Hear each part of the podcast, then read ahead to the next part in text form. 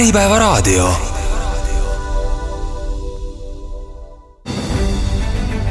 infopankur, saadet toetab KPMG, nõustamisteenuste turuliider Eestis tere päevast, head Äripäeva raadio kuulajad, eetris on Infopankur ja täna räägime andmete kasutamisest rohepöörde läbiviimisel. minuga on stuudios TPD Eesti tegevjuht Reemo Kirss. Tere! rohetiigri energia teekaardi eestvedaja Jaanus Purga. tervist! KPMG jätkusuutlikkuse juhtivnõustaja Marko Rebane. tervist! ja mina olen saatejuht Sigrid Kõiv. rohe Tiigri Energia teekaardis on kirjas, et energiasektori heitest moodustab transport kakskümmend viis protsenti ja sellest omakorda seitsekümmend protsenti moodustab maismaatransport. meil on siin kohe saates maismaatranspordiga tegeleva ettevõtte tegevjuht ja me saame ta käest kohe küsida, et mis te nüüd teete selle peale, et see ei oleks nii suur, see heitmete osakaal? no meiega on suhteliselt lihtne, et me oleme nüüd kasutanud kõikvõimalikke meetmeid, me oleme offset inud kõigepealt siis alates kaks tuhat kolmteist aastast oma siis CO2 heitmeid, aga ehk siis see on süsinikukvootide ostmine süsinikukvoodi ostmine. see ei ole vist väga, väga roheline tegevus. see, ütleme nii, et kui võtta transpordisektorit nüüd ajas tagasi enam kui kümme aastat, ega siis väga palju selliseid mooduseid ka ei olnud. et kuidas seda keskkonda hoida peale sellise vähem, vähem tarbimise ja uuemate masinate kasutamise. aga see oli nagu üks, üks meede vaid. no kõige, kõige tähtsam on see, et hakata oma heitmeid siis vähendama. no meie esimene tegevus oli, algaski kaks tuhat kaksteist aastal, kui me hakkasime oma veoringe optimeerima ja veoringide optimeerimisega juba paaril esimesel kuul me saavutasime eh, circa kaheksa protsenti eh, vähem läbisõitu. ja noh, vähem läbisõitu tähendab siis ka otse vähem heitmeid eh, õhku. ja, ja me oleme oma masinaparki hoidnud võimalikult värskena, me ei ole oma kaubikuid kunagi vanemateks ekspluateerinud kui viieks aastaks ja nüüd siis äh, viimased kolm aastat oleme järk-järgult rohkem lisanud enda masinaparki elektrikaubikuid. et tänaseks meil on kakskümmend viis elektrikaubikut ja, ja käesoleval aastal lisandub umbes äh, sama palju palju see protsendist nagu teeb nendest kaubikutest üldse kokku, pooled? selle, no nii, kahjuks meil on kaubikuid oluliselt rohkem, ta moodustab äh, circa kümme, aasta lõpuks kuskil kümne-viieteist protsendi vahel äh, kogu kaubikupargist. et äh, täna on siiski veel läbisõidud natukene piiratud, et me kaugematesse Eestimaa otsadesse nende elektrikaubikutega ei jõua aga selleks me oleme kasutanud äh, näiteks veokitel, linnadevahelistel transiitvedudel, oleme üha rohkem, rohkem kasutama hakanud äh, CNG veokeid, äh, kasutame, kasutades maagaasi ja siis biodiislit. et me püüame, püüame siis ära kasutada kõiki võimalikud meetmeid, mida siis turul saada on.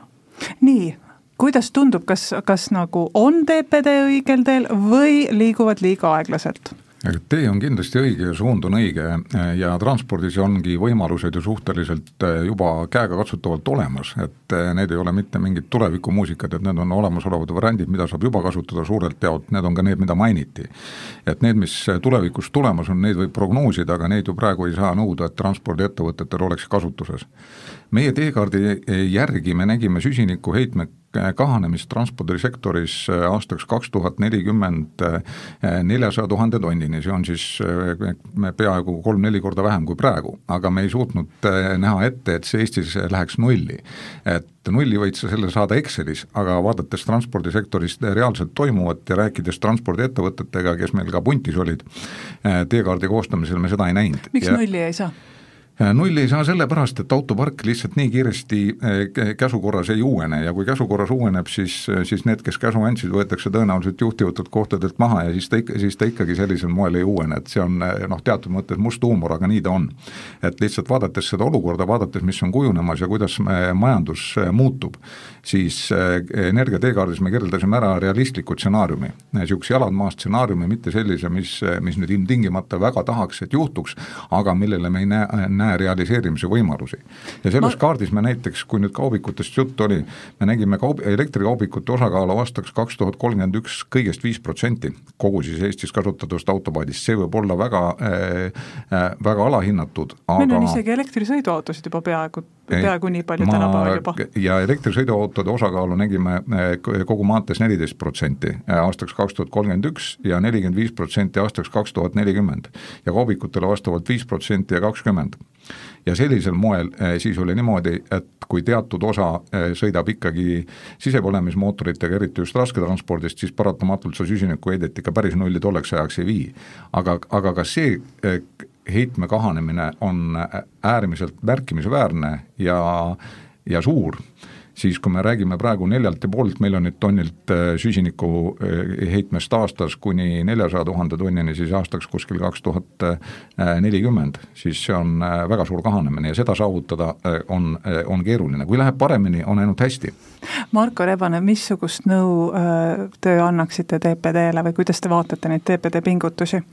Ei noh, pingutus on väga õige, et me ise näeme ka, et see trend on see, et autopargi siis uuendamine ja elektrifitseerimine on üks, kindlasti üks teemadest, aga muuhulgas ka siis küsimus on ka pakiveo enda nagu siis korraldamises, et eh, mis on see last mile delivery meetod, kas on, mis on need siis logistikakeskuste tegurid, mis seda mõjutavad, efektiivsus, automatiseerimine, robootika ja ka siis planeerimine. kas mul on õige, kas ma mõtlen õigesti, aga ma arvan, et tegelikult on pakivedu sedasorti teenus, mille puhul me tarbijatena saame kõik natuke midagi teha tarbi-, tarbijatena saab tegelikult kõige rohkem isegi teha. no ma ei tea, ma ikka poes ei viitsi käia, ma tahaks e, koju jaa, kui, kui näiteks võttagi selline tark, tark tarbimine tehnoloogia võtmes, et noh, meil on e-, enda praktikast hea, head näited, et kui me täna korjame ärikliendi juurest paki peale, kui pakk jõuab meil sorteerimiskeskusesse, me saadame välja sõnumi, et me tuleme homme teile pakki tooma ja seal on juba link iseteeninduskeskkonnale, kus saab siis määrata teise kuupäeva, kui sa tead, et sa ei ole kodus. või määrata teise aadressi, et sa ei taha koju tul-, tuua, vaid näiteks kontorisse. või suunata pakiautomaati. ehk siis see on tegelikult moodus, kuidas vähendada tühja sõitu. Palju teil tühje sõite on umbes? Äh, tühje sõite on äh, umbes seal ühe protsendi ringis. et aga iga, iga tühi sõit on otstarbetu sõit ja, ja me oleme ise maha mõõtnud, et tegelikult selle esimese korraga äratoimetamine vähendab äh, juba meie puhul siis viis protsenti äh, emissioone. et see on üsna, üsna märgatav äh, vahe, et sellised, kui selliseid tegevusi tarbijad ka teadlikult teevad, noh see hakkab mõjutama. ja noh, jah, näiteks noh, ma ei taha nüüd otseselt meie seda kulleriteenust ukseni selle väärtust vähendada, aga kui võtta pakiautomaadi teenust ja ukseni teenust, neid omavahel võrrelda, siis pakiautomaadi teenus on äh, kuni kuuskümmend kolm protsenti keskkonnasõbralikum mm. kui uh, ukseni transport. kuidas meil üldse on ja ma vaatan siin just et, äh, otsa konsultantidele, nõustajatele, et kuidas meil üldse on, et meil noh, väga palju räägitakse sellest, et ettevõtted peaksid tegutsema rohelisemalt, äh, olema nagu rohkem valmis neid rohetehnoloogiaid kasutusele võtma ja samas on ju selge, et tegelikult lõpuks tarbija maksab selle eest ja sõltub ka tarbija nõudlikkusest, kuidas sellega läheb, kas sellega tegeletakse või ei tegeleta kui, kui palju näiteks Rohetiiger või, või, või KPMG, kui palju te üldse saate mõõta sellist noh, niisuguse tarbija veendumusi või valmisolekut? tarbija veendum-, veendumusi me Rohetiigris suurelt jaolt ei mõõda, et äh, meiega on liitunud vastutustundlikud ja jätkusuutlikud ettevõtted, kes usuvad, et äh, on majanduslikult kasulik äh, roheliseks minna pigem kiiremini kui aeglasemalt ja see kasvatab konkurentsieelist tulevikus. ka nad näevad seda ilma selleta, et tarbija oleks juba sundinud ehk siis see on tulevik, siis oleks tegelikult natuke hiljaks jäänud juba? no siis tavaliselt oledki see natukene hiljaks jäänud, see on tõsi. et siis sa ei suuda vastu tulla, eriti kui sul on äh, keerukamad tehnoloogilised muudatused vaja näiteks protsessides teha. et äh, auto vahetamine võib olla lihtsam, aga kui sa pead terve tehase seadmestiku vahetama ja hakkama äh, tegema oma protsessi teistmoodi, see võtab pikemalt aega ja kui sa seda ette ei näe, siis mingil hetkel oled sa paratamatult rongist maas. ja neid ettevõtteid, kes usuvad Eestis, et et selline pööre ja vajadus tekib ka äriliselt, mitte ainult seda, et sa oled mõtteviisilt selline. Neid ettevõtteid on viimase kahe aasta jooksul lisanud proportsionaalselt päris palju. et seda juttu, mis me kaks aastat tagasi rääkisime, eriti energia kokkuhoiu teemal, seda mõned mõtlesid ikka päris tulevikumuusika, aga see tulevik tuli jube ruttu jah, ähm, kui noh, tarbijate käitumine on niisugune huvitav teema, et tarbijad ütlevad, et jah, roheline on hea ja me tahame käituma niimoodi, aga siis kui läheb lõplikuks tarbimiseks, siis kas neid valikuid võetakse ikka hind. ja kas ikka, kes see nagu, ähm, kas see nagu teema läheb korda või mitte. ja teine vahe on muidugi see, et, et on noh, erinev, kas on siin Eestimaa, Baltikum või on Põhjamaad, et Põhjamaades on teema juba kaua olnud üleval ja, ja see kultuur ja käitumine on hoopis teistsugune täna siin Eestis ja, ja mujal, et rahvusvaheline firma, TPD on rahvusvaheline ettevõte, eks ju, teil on harukontorid noh, peaaegu igal pool Euroopas. kas, kas on näha ka, et tarbijate käitumine on riigiti erinev? on riigiti erinev, eriti kui vaadata sellist rohemeelsust, et äh, igal pool on näha seda trendi, et tarbijad eelistavad üha rohkem ja rohkem brände ja ettevõtted, kes on jätkusuutlikud ja jätkusuutlikkusele orienteerunud äh, kahjuks Eesti ja ka Baltikum on selles arengus natukene aeglasem kui Vana-Euroopa ja Skandinaavia, et, et siin meil on kindlasti veel äh, pikk maa minna, aga on näha, et äh, huvi selle vastu kasvab. et küll on üks selline natukene kurvemapoolne teema seal, et kui vaadatakse seda jätkusuutlikkust ja just keskendutakse just tootele toote jätkusuutlikkusele ja brändi jätkusuutlikkusele. Eh, näiteks e-poes, eh, kui jõutakse sinna transpordilõiguni, siis seal just kaob see jätkusuutlikkuse väärtus ära. et see on selline kummaline paradoks. täpselt jah, Energia teekaardis ja kõigis Rohetiigri hinnangutes me üritame olla elukaare süsiniku jalajälje põhiselt, see tähendab seda, et mis hõlmab kodu, kogu tsüklit siis sellest hetkest alates, kui kaupa on tootma hakatud, kuni selle hetkeni, kui tarbija on ta siis kätte saanud või ära tarbinud. ja see on oluliselt adekvaatsem aga eh, huvitav on kuulda, et ka eh, siis eh, transpordiettevõte ütleb sellisel moel, et et või, võib olla erinevus selles, et sa vaatad, kes on toote valmistanud, aga sul on näiteks suhteliselt ükskõik, kuidas ta sinuni jõuab ja kui palju sul pakendit ümber on, on ju. et mis väikese kauba puhul ja, ja eriti kiirete tarnete puhul on äärmiselt negatiivse mõjuga ja ja sellist asja tuleks iga, tuleb igal juhul vältida. no igal asjal on hinnasilt äh, vaatasin praegu TPD-l on väljas kahe tuhande kahekümne esimese aasta müügitulu, kahe tuhande kahekümne teise aasta oma vist teil veel ei ole esitatud, majandusaasta aruannet. ja selle järgi äh, müügitulu oli kolmkümmend üks koma seitse miljonit eurot, ma oletan, et see aasta on, või eelmisel aastal, siis kaks tuhat kaks on see suurem, sest noh, inflatsioon, kallinemine, kaubamahtude kasv, kõik see mängib oma rolli, nelikümmend viis miljonit? no oleks kena nii suur kasv no nelikümmend, ütleme.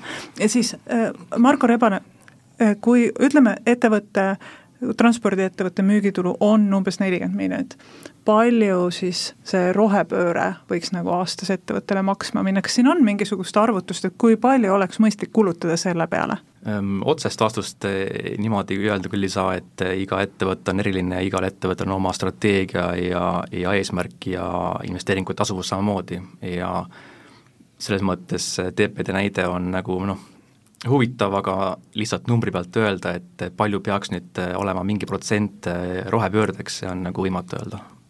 ja ise olete arvutanud seda või, või vaadanud, et kui palju oleks nagu selline mõistlik ja kui palju läheb noh, ilmselgelt liiale? mõistlik on hästi keeruline selle koha pealt öelda, et äh, kui me võtame, me, põhiosa on pakiautomaadid ja masinavark. täna öelda, et X arvu on meil vaja panna on natukene kohatu, pigem me asendame ja see tekibki sellise orgaanilise kasvuna ja see, see saabki selline normaalsus.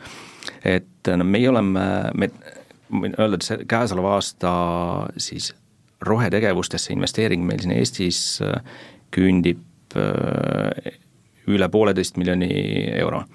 et see on ikkagi üs-, üsna märkimisväärne investeering ja siin paari aasta jooksul me oleme, noh, lähenemegi circa kolmele miljonile. et, et siin korra käis läbi see tarbija, tarbija käitumine ja selle hinnatundlikkus, et see mängibki väga olulist rolli, et justkui hästi lihtne on öelda, et noh, ma valin siis selle soodsama asja, soodsama toote, aga tahame või ei taha, rohepööre on kapitalimahukas.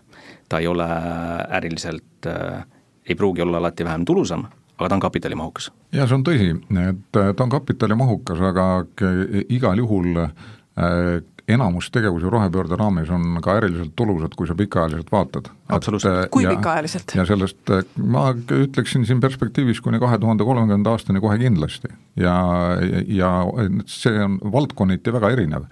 energiasektoris on need kõige madalamalt rippuvad õunad, et sealt tulevad need tulemused alati kõige kiiremini, inimesed mõtlevad pigem vastupidi, aga energiasektor on kõige lihtsamini ümber konverteeritav ja kõige suurema mõjuga, mida on võimalik teha.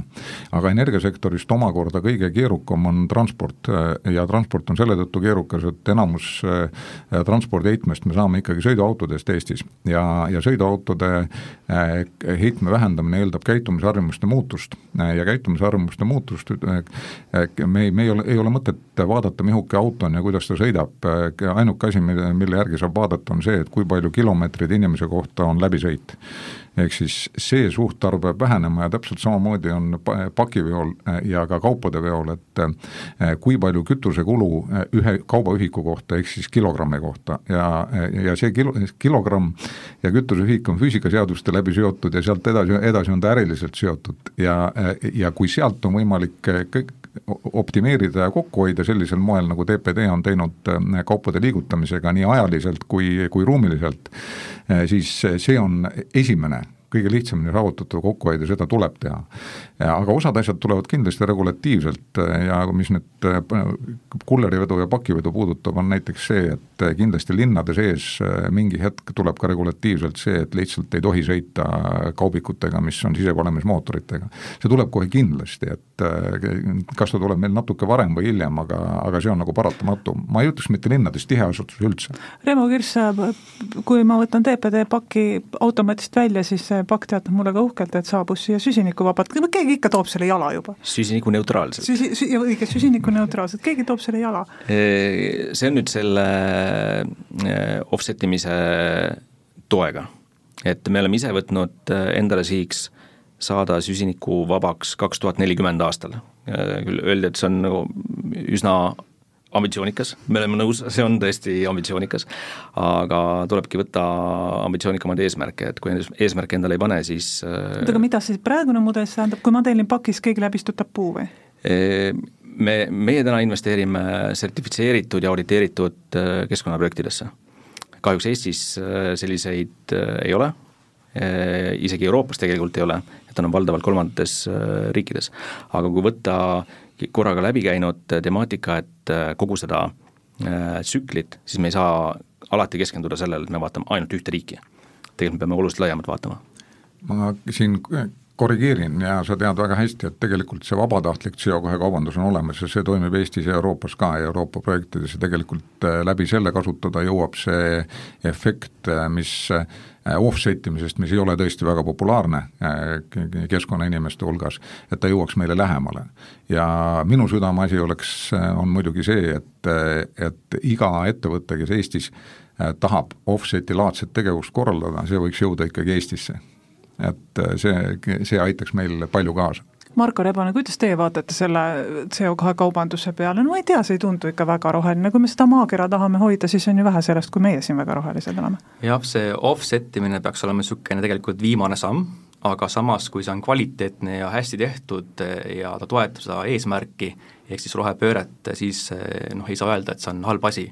et ka Eestis on nii startup'e tekkinud, kes sellega tegelevad, kvoota näiteks et eh, ma ei, ma ei pea põrkuma õudusega tagasi TPD-sse, sest ta offset ib. et jah, küsimus ongi selles, et, et kas see on, on kvaliteetne, kas see on kontrollitud, kas see loob mõju ja, ja kui seda on nagu auditeeritud, siis, siis saab, saab öelda, et, et kindlasti seal mingi mõju on, aga loomulikult esimene samm on see, et me teeme neid äh, tegevusi, ehk siis äh, midagi efektiivsemalt, investeerime, asendame, äh, teeme automaatseks, eks see on see põhiline fookus. kuna siin on päris mitu korda läbi käinud, et tarbija valikud on need olulised kohad, mis suunavad seda ka ettevõtete käitumist, siis äh, räägime natuke rohepesust. Kuidas ära tunda ühte korralikku rohepesu, ma ei teagi, kellest alustada, ilmselt kõik on rohepesu näinud no nii. kas see, kas see on pigem nagu niisugune, niisugune väide, mida öeldakse, selline sõna, mida kasutatakse või see on tegelikult ka olemas? kindlasti on ta olemas, muidu sellist väidet ka ei oleks. küll ta tekitab inimestes väga palju segadust.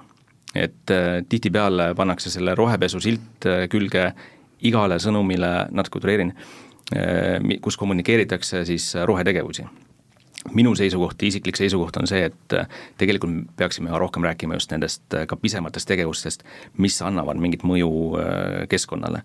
et puhtalt just seda sama tarbija teadlikkust kasvatada. ja noh, tegelikult kõige lihtsam on vaadata ettevõtete kodulehtedelt, mis need tegelikud tegevused, tegevused on. et kas on puhtalt tegemist mõne sellise loosungiga või on seal reaalsed tegevused ka taga ja ja oluline on ka see, et, äh, et ettevõtted ka lasevad enda tegevust ära hinnata.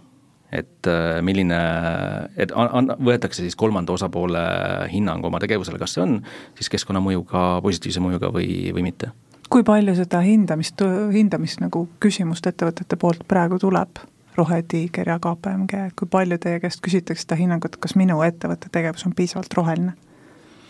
No me ei ole auditeerimisorganisatsioon, nii et see on no te konsulteerite kindlasti ju. võib-olla KPMG-le parem, et eh, me ettevõtted oma tegevuse hindamist, need, kes meil on puntis, need tahavad kõik ja need teevad kas siis vabatahtlikult ettevõttesiseselt paremini või halvemini, aga igal juhul oma tel-, tegevust nad jälgivad ja, ja kui sa hakkad üks aasta jälgima, kui sa paned omal mingi baasi paika, siis sul on järgmine aasta millegagi võrrelda, seni kui sa seda ei tee, pole sul millegagi võrrelda. ja see on juba hästi.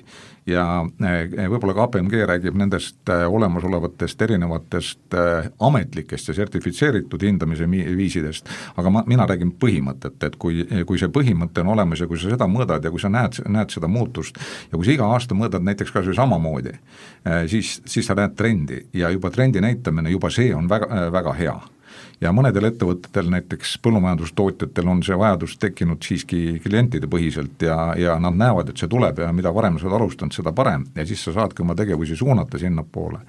Äh, transpordiettevõtetel on tõepoolest äh, meie hinnangul kõige lihtsam, sest selle, hästi palju on elukaarepõhist informatsiooni nii autode tootmise kohta, nii elektriautode kui vesinikautode kohta.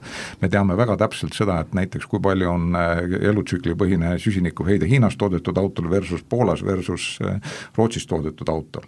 ja kui näiteks Hiinas toodetud autol üks näide, et sa jõuad rohelisse tsüklisse siis, kui oled sõitnud läbi umbes sada tuhat kilomeetrit, siis Rootsis toodetud auto elektriautoga sa jõuad juba kuskil kolmekümne, neljakümne tuhande juures, arvestades akut ja kõike, mida tihtipeale küsitakse, et aga elektriauto jaoks on ju vaja akut, et kas tegelikult on see rohelisem. ja elektriauto on roheline seni, kui ta tarvitab rohelist energiat, seni kui ta tarvitab näiteks põlevkivienergiat, ta ei ole tühjagi roheline, on ju, nii, no nii ta on. KPMG kui siis äh, audiitorbüroo ja nõustamisbüroo, äh, me oleme nagu nõus, et niisugune kolmanda osapoole hinnang on see, mis annab kindluse. Ja meie oma kui töös... palju seda ettevõtted ka küsivad teie käest, kui palju teil on selliseid üha tõusemas trendis jah, et eh, tahetakse saada kindlust, et ma teen asju õigesti, et ma teen kooskõlas midagi standardiga, mis ütleb sulle ette, mis sa tegema pead, ja meie kui sõltuv osapool saame öelda, et jah, et see protsess vastab sellele nõudele, et neid asju tehakse nii, nagu vaja ja lõpuks selle arvamuse ka anda et see ongi meie nagu töö. aga kui Jaanus siin ütles enne, et, et need energeetikaõunad on sellised madalal rippuvad õunad, need on lihtne nagu teha, mis need kõrgel rippuvad, mis need ladvaõunad siis on? Eh, noh, ladvaõunad on näiteks tarbija käitumise muutmine, et eh, seda, seda ma ütlen eh, kohe kindlasti ja niisugused asjad, mis sõltu, sõltuvad nüüd ainult sellest, et kas inimene tahab midagi teha või mitte ja mida regulatiivselt ei ole võimalik reguleerida. ja, ja mis puudutab väga paljude inimeste pisikesi, pisikesi käitumisi, näiteks prügi ja pakend on oluliselt raskemad, energia, energia on selle koha pealt lihtsam, et energias on äh, teatud arv näiteks suuremaid tootjaid, võrguettevõtteid ja neid äh, ja, ja seal on väga täpselt teada, et kui sa niisugused muutused teed, siis sa sellise efekti ka kindlasti saad. ja, ja väga, väga selgelt saad sa ka süsinikuheitme sealt alla, nii soojuses kui äh, siis elektris. Reemo Kirss, tarbijat on ju lihtne suunata, pane hinda juurde või võta maha ja juba ta, juba ta teebki, nagu sa tahad kahjuks seda tuleb ette küll, et et äh, tarbijad kipuvad, äh, eriti tänases majandusolukorras, äh, kipuvad võib-olla natukene lühiajalisemalt vaatama oma ostuotsuseid. et me ka täna näeme, et tihtipeale eelistatakse sellist soodsat toodet noh, ka juba toote näol ja soodsat teenusepakkujat, olenemata sellest, mida, mida tehakse, ma ei saa öelda, et see on täielikult niimoodi, aga, aga seda trendi on täna hinnatundlikkus on täitsa kindlasti olemas ja see mõjutab ka sedasama rohelisust ta, see tarbijakäitumine on kas kiirendaja või aeglustaja. ja siin on oluline asi see, et äh, seni, kui keskkonnale mittesõbralikult või loodusele mittesõbralikult valmistatud toode on poes äh, järjekindlalt odavam, äh, kui siis vastutustundlikult ja loodussõbralikult valmistatud toode, seni see nii ongi, aga see on nagu põhimõtteliselt vale ja, äh, ja raske on veel ka ettevõtja endate, enda ambitsiooni mu-, siis mõjutamine, et ettevõte teeks neid muutusi ja saaks aru, et see on vajalik ja nii läbi ka koolitaks neid tarbijaid välja nii-öelda, et mis on nagu see õige strateegia, mida tegema peaks. Aga meie lähme siit väikesele pausile. äripäeva raadio tere tulemast tagasi kuulama saadet Infopankur, minuga on stuudios TPD Eesti tegevjuht Remo Kirss, Rohetiigri Energia teekaardi eestvedaja Jaanus Purga ja KPMG jätkusuutlikkuse juhtivnõustaja Marko Rebane, mina olen saatejuht Sigrid Kõiv. Jaanus Purga äh,, Energia teekaardi eestvedajana noh, tore on jätkusuutlikkus, vahva, kes selle kõik kinni maksab? kokkuvõttes on vastus igal juhul üks, et äh, ükskõik, mida ettevõtjad teevad, tarbija maksab lõpuks kinni. Äh, ja, ja kui ettevõtja teeb äh, musti või pruune või siniseid investeeringuid ikkagi maksab tarbija kinni. aga kui ta teeb rohelisi investeeringuid, siis maksab ka tarbija kinni. ja mõistlik oleks rääkida selle juures sellest, et kas ja kui palju on rohetee, rohepöörde jaoks ja roheliste tegevuste jaoks vaja täiendavalt investeerida võrrelduna sellega, mis on vaja paratamatult investeerida nagunii. ma ei ole kusagil näinud seda vahet, et eh, ma ei tea, et keegi oleks välja toonud, et näiteks rohepöörde tõttu tuleb investeerida seni, seniseid investeeringuid arvestades kakskümmend protsenti rohkem. kas ta üldse saab niimoodi välja tuua? Osades sektorites saab ja osades asjades saab lihtsalt, ma toon ühe niisuguse hästi primitiivse näite, et eh, võib-olla pole ta kõige ilmekam, aga, aga ta on lihtsalt primitiivne. et, et kui sa, kui praegu näiteks sisepõlemismootoriga auto maksab kakskümmend tuhat ja elektriauto maksab kolmkümmend tuhat, siis täiendav kümme tuhat ongi see täiendav investeering, mida mul auto vahetuses tuleb teha. ehk siis seda ma ei saa öelda, et see kolmkümmend tuhat on täiendav investeering mitte mingil juhul, sest näiteks viie aasta pärast ma, mul auto oleks läinud vahetusse nagunii ja täpselt samamoodi tuleb vaadata energiainvesteeringute puhul ja hoonete renoveerimise puhul.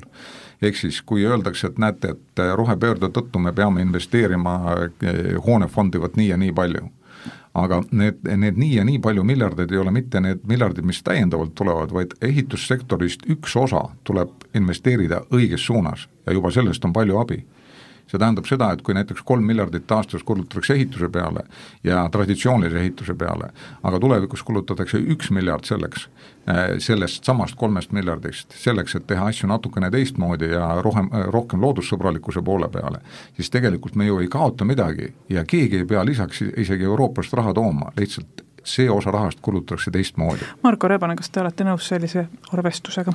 Ütleme, on on keeruline maailm ja, ja öelda, et mis on investeeringute vajadus täpselt, eh, on nagu väga keeruline. Ja teistpidi on nagu oluline see, et, et et me ei räägi ainult siis eh, noh, finantskuludest, tuludest, on ju, ja tuleb ka mõelda, mis see nagu pikas vaates tähendab, et et, et mis on keskkonna positiivne mõju, mis on need kulud seal keskkonna juures ja kuidas see mõjutab inimesi, et kui me vahetame näiteks transpordisektoris midagi välja, loomulikult siis õhusaaste väheneb, müra on vähem, on ju, sellel kõigil tegelikult on mingisugune mõju inimestele ja, ja keskkonnale, et seal tuleb see majanduslik mõju veel juurde tagasi. jah, eks äri on raske teha, kui sul pole maakera, mille peal seda teha. just. aga räägime natuke tulevikust ka, et et kuidas, räägime ettevõtete jätkusuutlikkuse hindamisest, meile siin Äripäevas väga meeldib teha toppe, meil on kõikides valdkondades topid, meil on rikaste topp, meil on dividendi topp, millal me saame teha rohetopi?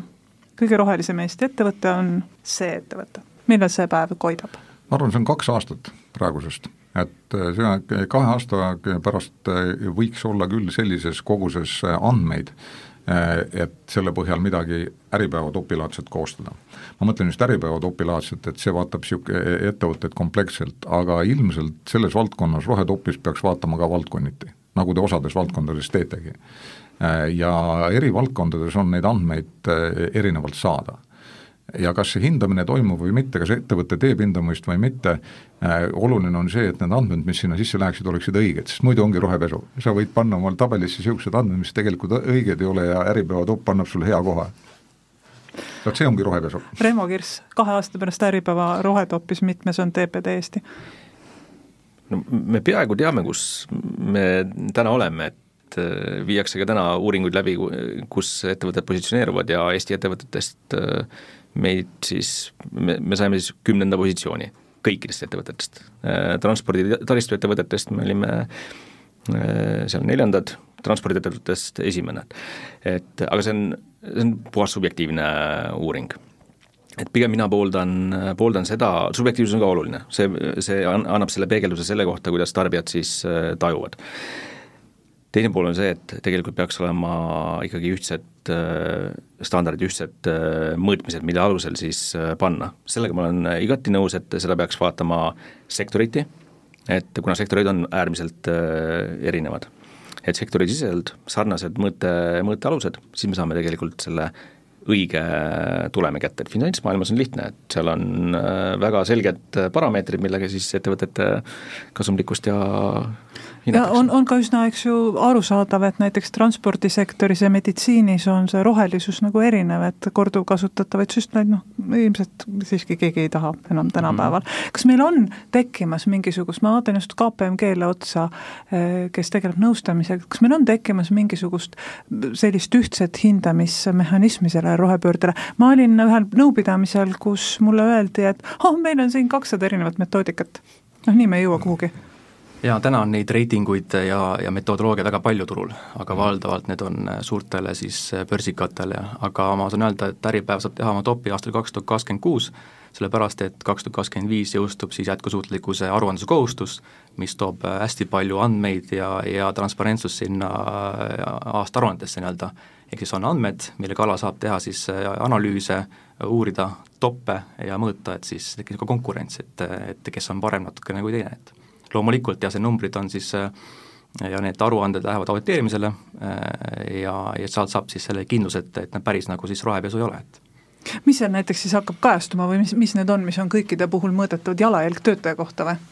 Äh, ta katab kogu seda ESG spektrit, keskkonnateemad, sotsiaalteemad, siis juhtimisteemad ja, ja mis teemad konkreetselt iga ettevõte peab kajastama, see sõltub tema siis tegevusvaldkonnast ja tema nagu sellest nii-öelda äh, olulisest analüüsist, ehk siis ta esmalt teeb selle analüüsi, kus ta üldse nagu mõjutab eh, keskkonda inimesi kõige rohkem, kus on tema finantsvõimalused, riskid seoses rohepöördega ja eh, jätkusuutlikkusega, ja sellest tulenevalt siis ta ehitab oma siis strateegia ja strateegia toob kaasa eesmärgid, mõõdikud, eh, tegevused, ja kõik see läheb siis aruandesse ja selle infoga saab siis Äripäev tööd teha. ma vaatan nüüd Jaanus Purgale ja, ja Remo Kirsile otsa, et noh, see kõlab ju küll hästi praegu ei, see ei kõla väga hästi, see, see ei kõla väga hästi sellepärast, et eh, ta eh, on natuke ehk kaugel tulevikus ja võib-olla saaks midagi teha kiiremini ka.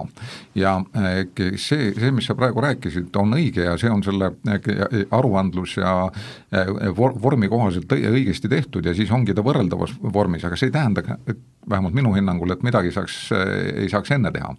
ja, ja aga see on praegu lihtsalt, ma utreerin, et äri, Äripäev niisuguse suuna andva jõuna võiks, võiks mõõta selle keskkonnamõju vähenemist, näiteks kas või selle elutsükli põhi, põhise eh, süsinikuheitme alusel ja, ja valida välja mõned kriteeriumid, te ei pea järgima kõiki neid kriteeriume, mis seal mõõdetakse, sest tavaliselt te oma toppides korjate välja mõned kriteeriumid, millele te vastavalt hindate. ja muidugi saab hinnata ainult neid ettevõtteid, kes seal osalevad ja kelle kohta andmed on olemas. Äh, see, see hetk, kui on kohustuslik see kõigile või tähendab vähemalt teatud portsule ettevõtetele see aruandlus, siis on natukene lihtsam.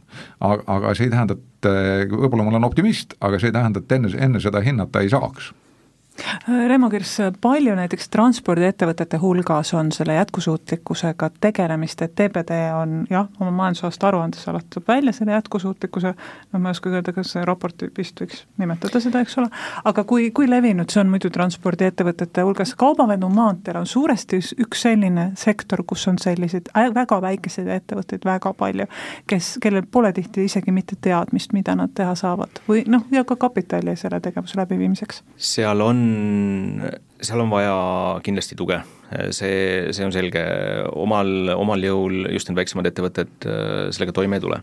küll väiksematelt ettevõtetelt äh, tellivad tihtipeale suuremad ettevõtted ja nemad saavad läbi selle telli, tellimisega need, neid ettevõtteid toetada, et äh, noh, head näited on riigihanked. riigihanked täna meil on jätkuvalt vähempakkumised ja vähempakkumine tuleb alati millegi arvelt. Ja väikeste vedajatega on tihtipeale samamoodi, et väike vedaja üritab olla konkurentsis ja siis ta võib oma hinnas alla tulla kui sellist äh, trendi ei tekitata suure, suurte ettevõtete poolt, see toetab ka seda väikeste ettevõtete rohepööret. küll äh, täna veoettevõtted, ma usun, suuresti kõik mõtlevad äh, selle rohepöörde peale, mm. aga samme astutakse täna veel vähe. kallis ju. Tegelikult see kallis ei ole kõige, kõige suurem mure. Kõige suurem mure on see, et see teadlikkus, et mida ma siis täpselt hakkan tegema, kuidas ma mõõdan, mida ma mõõdan et see nii-öelda sisuline pool, äh, see suund äh, on puudu, et täna Rohetiiger, äh, Rohetiigril on transpordi teekaart loomisel. sealt peaks saama kindlasti ka transpordiettevõtted tuge, suuniseid, kui see ka riigini jõuab, et soovitustena näiteks mõõtmismetoodikate tarbis see kindlasti aitab olulisel määral kaasa, just, just väiksemaid ettevõtteid. kas näiteks TPD Eesti on saanud tuge sellest, et ta noh, selja taga on tohutu suur äh, mitmes riigis tegutsev kontsern? jaa, loomulikult, tänu noh, puhtalt juba sellele te teadmiste pagasile ja kogemuse jagamisele. ja see, sellepärast ma ka varem välja tõin, et, et asjadest peab rääkima, ka väikestest asjadest. et see aitab seda kogemust ja teadmist äh, luua, see on selle kontserni juures kõige väärtuslikum. nii et ma saan aru, et tegelikult see rohepööre, mis, mis puudutab just väiksemaid ettevõtteid igas, mitte ainult transpordis, ilmselt igas sektoris, väga palju survet paneb äh, katusorganisatsioonidele, kes peaks seda infot nagu jagama ja aitama ja, ja otsima ja koostööd tegema ja äh, ma ei oska seda öelda, et eks see on ettevõttest ja ettevõtte omanikust ja juhis, ja juhist kinni ja mõnda äh, mõnda santi ei vihkle mitte mingil juhul, on ju, et äh, ei saa santi sundida, kui sant ei taha kõndida, nagu öeldakse.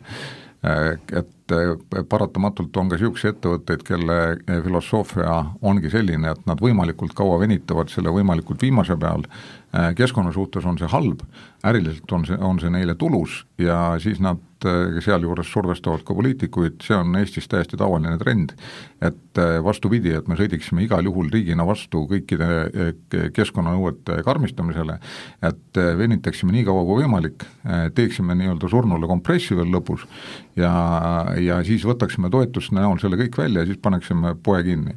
ja sõidukite puhul ja transpordiettevõtete puhul on see hästi tüüpiline, et sa vana autoga sõidad võimalikult kaua, sa teadki, et see, see lõpeb seal ära. aga nüüd läbi maanteemaksu muutmise, diferentseerimisele siis erinevate kategooriate sõidukitele, ehk siis see, kes saastab rohkem, maksab rohkem, raskeveokitest just, ja see, kes vähem. me oleme viimane riik Euroopas, kus seda diferentseerimist tehtud ei ole, me oleme mitmes mõttes äh, loodussõbralikkuse poole pealt äh, hästi halb riik. kas automaks võiks siis lisaks riigieelarve täitmisele ka hakata meid rohelisemale maanteele suunama? Äh, automaksu kohta mina olen kindlasti positiivselt meeletatud, aga automaks peaks olema läbisõidetud kilomeetri kohta, mitte auto hulga kohta, et äh, läbisõidetud kilomeeter on see, mis äh, mõjutab seda, kui palju auto saatab, ehk siis läbisõidetud kilomeeter CO2 ekvivalent. ja natuke nii mõeldakse ju ka. Reemo Kirs, teie muigate? jaa, mina muigan selle peale, esiteks meil on teekasutustasu, see on diferentseeritud aga see diferentseerimine ei motiveeri mitte kedagi. Need on marginaalsed erinevused, kas sõita euro kaks normiga autoga või euro kuuega. äriliselt ei motiveeri mitte kedagi, seal see diferents peab ole, peab olema oluliselt Just. Äh, järsem. ja mis puudutab äh, automaksu ja saastemaksu, ma rohkem äh, propageerin seda saastemaksu, aga ma ei ole ka automaksu vastu mitte, mitte grammigi. automaks on hea, ma olen äh, ka sellega päri, et äh, pigem ta peaks olema kilomeetripõhine mm, -hmm. see aitab, äh, aitab seda konsolideerimist, vähem kilome-, ütleme, vähem saastet ühiku kohta, kui me räägime siis näiteks aluse või pakiveost, mida rohkem kaupa panna veovahendisse ja see on äriliselt hakkab muutuma ka otstarbekamaks kuidas KPMG vaatab, kas maksumuudatus muudab midagi rohelisemaks või tegelikult on see ikkagi, ütleme ausalt, riigieelarve täitmine? Maksud on alati ju äh, üks vahend, kuidas midagi mõjutada äh, äriliselt ja turul, et, et kahtlemata sellel mingi mõju on, küsimus ongi, kuidas asju teha targalt, et sellele mõju oleks maksimaalne ja ta läheks sinna, kus seda nagu siis äh, vaja oleks, et see on see nagu peamine küsimus, et aga mis see kõige õigem lahendus on, et see on juba omaette teema. ma lisaks siia veel juurde võib-olla seda, et siis nende maksudega on kõige olulisem see, et mis eesmärk nendel maksudel on mm. -hmm. kui näiteks saastemaksu eesmärk on riigi, riigieelarvet pelgalt täita, siis ta ei täida seda eesmärki. nõus jah, maksude eesmärk keskkonna suhtes peab olema suunav, et ta, ta suunab sind eh, selle tegevuse poole, mis on eh, loodusele kasulikum. ja si-, ja siis ta kindlasti läheb õige, õiges suunas. ja kui eh, sada protsenti nõus, et maanteemaksu diferentseerimine, see on sellisel moel, et ta, ta motiveeriks kasutama keskkonnasäästlikumat transporti, on, on vajalik ja see on ebaloomulik, et meil seda ei ole. aga meie peame siit täna lõpetama, minuga olid stuudios TPD Eesti tegevjuht Remo Kirss, Rohetiigri Energia teekaardi eestvedaja Jaanus Purga ja KPMG jätkusuutlikkuse juhtivnõustaja Marko Rebane. mina olen saatejuht Sigrid Kõiv ja me kuuleme juba uuel kuul. infopankur, saadet toetab KPMG, nõustamisteenuste turuliider Eestis Äripäevaraadio